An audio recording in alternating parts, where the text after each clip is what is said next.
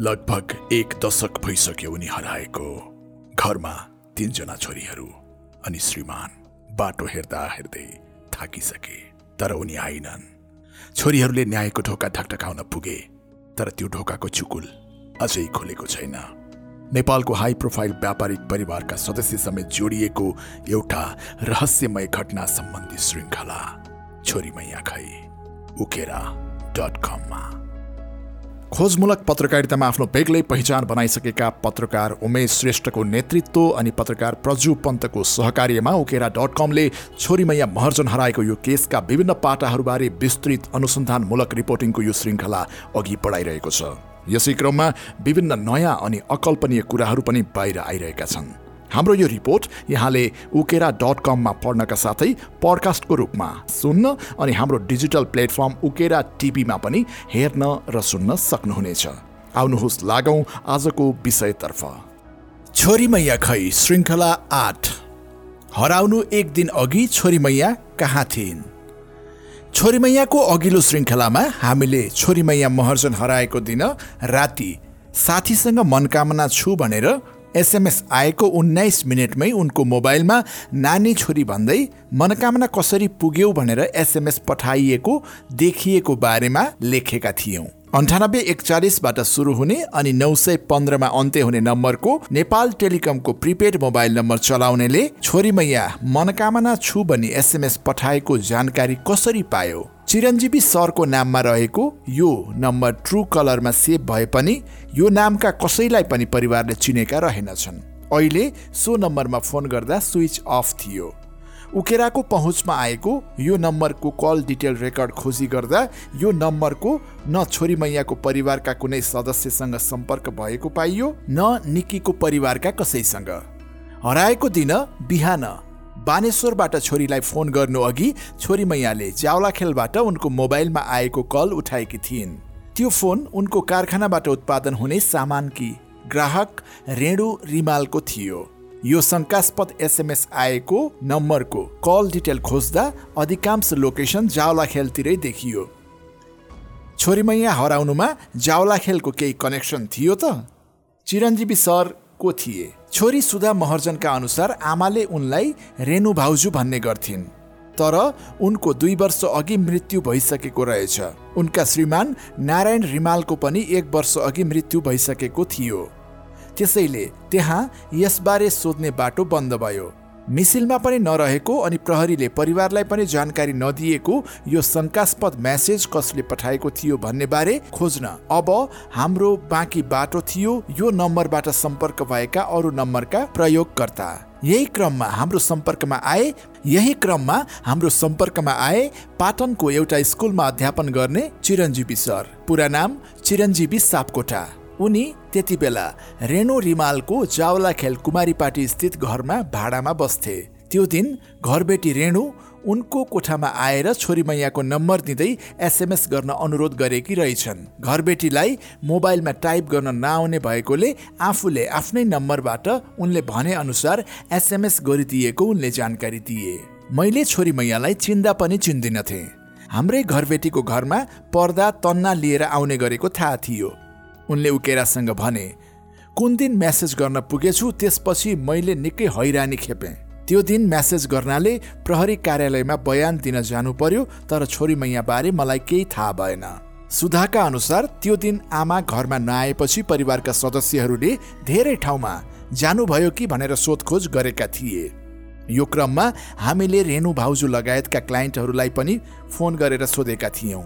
उनी भन्छन् रेणु भाउजूले आमालाई एकदम माया गर्नुहुन्थ्यो त्यही भएर घरमा आयो कि आएन भनेर बारम्बार सोधिरहनु भएको थियो।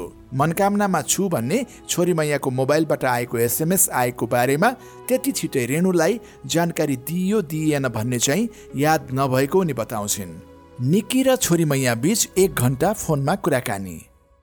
छोरी मैया महर्जन सोह्र फागुन दुई हजार अडसट्ठीमा निक्की सिंह मल्होत्राको घरमा जान्छु भनी निस्किएकी थिइन्। त्यो दिनको अघिल्लो रात अर्थात् पन्ध्र फागुनमा उनीहरू बीच एक घन्टा ल्यान्डलाइन फोनमा कुराकानी भएको छोरी मैया परिवारको दाबी छ। त्यति बेला लोड सेटिङ हुन्थ्यो हामीले खाना खाना बोलाउँदा पनि आमा निक्कीसित फोनमा कुरा गरिरहनु भएको थियो।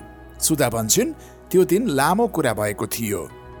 सात बजेदेखि आठ बजेको बिचमा आफूहरूको खाना खाने समय भएको र त्यही बेला लगभग एक घन्टा जति निकीसित आमाको कुरा भएको सुधाको दावी छ। तर यो विषय प्रहरीको अनुसन्धान फाइलमा गायब छ। दुई हजार उनासत्तरी वैशाख एक्काइस गते तत्कालीन सहायक जिल्ला न्यायाधिवक्ता पदमबहादुर कार्कीले काठमाडौँ जिल्ला अदालतमा दायर गरेको अभियोग पत्रमा चौवालिसवटा कागजात संलग्न गरिएको छ जसमा छोरी मैयाको घरको ल्यान्डलाइन नम्बर बयालिसदेखि सुरु हुने र सात सय छिहत्तर मा अन्त्य हुने नम्बर र निकीको घरमा प्रयोग हुने ल्यान्डलाइन फोन नम्बर चौवालिसबाट सुरु हुने र छ सय उनानब्बेमा अन्त्य हुने को कल डिटेल विवरण समेत छैन। सुधा भन्छन् हामीले यो विषयमा कुरा उठाएका थियौँ तर ल्यान्डलाइनको कल डिटेल विवरण आउँदैन भनेका थिए प्रहरीले हामीलाई। के साँच्चै ल्यान्डलाइनको कल डिटेल विवरण निकाल्न सकिँदैन थियो त? हामीले त्यो समयमा अन्य आपराधिक घटनाको अनुसन्धानमा संलग्न केही प्रहरी अधिकारीसँग त्यो बेला ल्यान्डलाइनको कल डिटेल पाउने नपाउने बारेमा सोध्यौँ। सबैको एकमत थियो किन नसकिनु? त्यो बेला अनुसन्धान भएका अन्य अपराधको अनुसन्धान फाइल हेऱ्यो भने थाहा भइहाल्छ नि। अर्को पाटो ल्यान्डलाइन टेलिफोनको बिलिङ गर्दा कुन नम्बरबाट कुन नम्बरसित कति समय सम्पर्क भयो भन्ने आधारमा बिल बन्ने हुनाले समेत यो रेकर्ड टेलिकममा हुने देखिन्छ। तर प्रहरीले त्यो माग गरेको देखिएन। मिसिलमा राखिएका बयान कागजमा पनि एक घन्टा ल्यान्डलाइन नम्बरमा निकी र छोरी मैया बीच कुराकानी भएको विषयलाई रहस्यमय ढङ्गले जानाजानी संलग्न नगरेको देखिन्छ। जबकि अपहरण तथा शरीर बन्धक जस्तो गम्भीर विषयमा मुद्दा चलाउँदा अलिकति लिङ्क देखिने सबै विषय सामेल गरिनु सामान्य प्रक्रिया हो। अघिल्लो दिन लामो कुरा भएको विषयमा अनुसन्धान केन्द्रित भएको भए भोलिपल्ट निक्कीले बोलाएर नै छोरी मैया उनको घरमा गएको हुन सक्ने लिङ्क जोड्न सकिन्थ्यो जसले अनुसन्धानलाई निश्चित ट्र्याकमा ल्याउन सक्थ्यो। एक दिन अघि छोरी मैया कहाँ थिइन्? एक दिन अघि अर्थात् पन्ध्र फागुन दुई हजार अडसट्ठीमा छोरी मैया कहाँ थिइन्? कल डिटेल हेर्दा उनको मोबाइलमा तिन पटक मात्र सम्पर्क भएको देखिन्छ। मध्याह सवा बाह्र बजेदेखि दिउँसो दुई बजेसम्म सुरुमा उनी जैसी देवलमा र त्यसपछि झोछेमा देखिन्छन्। तर मिसिलमा संलग्न बयान कागज हेर्ने हो भने हराउनु एक दिन अघि छोरी मैया दिल्ली बजार मालपोत कार्यालय गएकी देखिन्छन्। त्यो दिन उनले ठुलो रकमको कारोबार गरेको देखिन्छ। यो कुरा उनकै छोरी सुभद्रा महर्जन र उनको कारखानामा काम गर्ने महिला नानी हिरा महर्जनको बयानबाट पनि पुष्टि हुन्छ। छोरी मैया मालपोत कार्यालयमा जानुको कारण थियो आफ्नै घरमा काम गर्ने महिलाको नाममा घर पास गर्नु। नानी हिराले गरेको बयान कागज अनुसार करिब चार वर्ष अघि उनले छोरी मैयालाई नौ लाख रुपियाँ दिएकी थिइन्। आफूले दिएको रकम समेतको लगानीमा जग्गा किनबेच गर्न छोरी मैयालाई उक्त रकम दिएको उनको भनाइ छ। दुई वर्षमा उनको नौ लाखको लगानी बढेर पच्चिस लाख पुगेको रहेछ। उनले बयानमा भनेकी छिन् कुन कुन ठाउँमा जग्गा किनबेच गर्ने गरिन् मलाई थाहा छैन। दुई वर्ष अगाडि सतुङ्गलको जग्गा किन्दासम्म मेरो भागमा पच्चिस लाख पुगेको भनी निजले बताएकी थिइन्। मेरो भागको रकमबाट घर किन्नु पर्यो भने नानी हिराले भनेपछि छोरी मैयाले लगनको एउटा घर उनका लागि किनिदिने भइन्। घटना हुनुभन्दा डेढ महिना अघि बैना समेत भयो बाइस लाख रुपियाँमा घर किन्ने भनी। हराएको अघिल्लो दिन फागुन पन्ध्र गते छोरी मैया महर्जन र म मालपोत कार्यालय दिल्ली बजारमा गई उक्त घर मेरो नाममा पास गरी लिएको हो। नानी हिराले भनेकी छिन् छोरी मैयाकी जेठी छोरी सुभद्राले त्यो घर किन्न बिस बाइस लाख लगानी गरिदिएको हुनुपर्दछ भन्ने बयान दिएकी छिन्। यसको लागि रकम कहाँबाट आयो भन्ने प्रश्नमा उनले भनेकी छिन् आमाले उपकारी सहकारीबाट पन्ध्र लाख झिक्नु भएको थियो। अन्य रकम के कहाँबाट ल्याउनु भयो मलाई थाहा भएन। उपकारी सेभिङ एन्ड क्रेडिट कोअपरेटिभको स्टेटमेन्ट हेर्दा दुई हजार अडसट्ठी मङ्सिरमा चेकबाट पन्ध्र लाख रुपियाँ निकालेको देखिन्छ भने हराउनुभन्दा दुई दिन अघि चेकबाट एक लाख रुपियाँ झिकेको देखिन्छ। दुई हजार छैसठी पुस एक गतेदेखि दुई हजार अडसट्ठी चैत्र तिस गतेसम्म दुई वर्षको यो सहकारीको छोरीमैया महर्जनको नाममा रहेको खाताको स्टेटमेन्ट हेर्दा कुल छ्यानब्बे लाख डेबिट र सन्तानब्बे लाख क्रेडिट कारोबार भएको देखिन्छ। छोरीमैयाको कारोबार ठुलो थियो र चेकबाट पनि उनको कारोबार हुन्थ्यो भन्ने यो स्टेटमेन्टले देखाउँछ। त्यो दिन करिब चार बजेतिर दिल्ली बजार मालपोत कार्यालयमा जग्गा पास गरी नानी हिरा महर्जन र आमा घर फर्कनु भएको उनले भनेकी छिन्।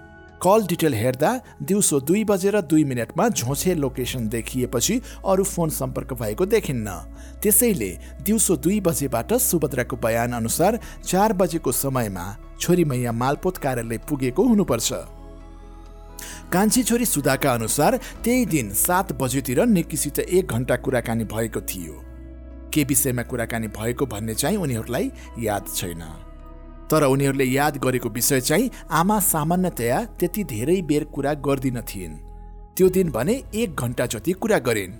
केही मनमुटाव भएको कारण त्यति लामो कुरा भएको हो कि भन्ने उनको अनुमान छ। हामीले पहुँच पाएको छोरी मैयाको मोबाइलको दुई महिनाको कल डिटेल हेर्दा पनि उनले मोबाइलमा खासै धेरै कुरा गरेको देखिन्न। सबभन्दा लामो कुराकानी सात मिनटको मात्र छ। भोलिपल्ट अर्थात् फागुन सोह्र गते बिहान छोरी मैया निकी कहाँ जान्छु भनेर घरबाट निस्किन्छन्। निक्कीलाई फोन गरिदेऊ न भनेर आठ बजेर बत्तिस मिनटमा घरको ल्यान्डलाइनमा फोन समेत गर्छिन्। दिनको साढे एक बजीसम्म उनको मोबाइल नयाँ बानेश्वर जहाँ निकीको घर छ मा लोकेट हुन्छ। साँझ सात बजेर त्रिपन्न मिनटमा म मनकामनामा छु लेखिएको मेसेज छोरीको मोबाइलमा आउँछ जसको लोकेसन ट्रेस हुन सकेको छैन।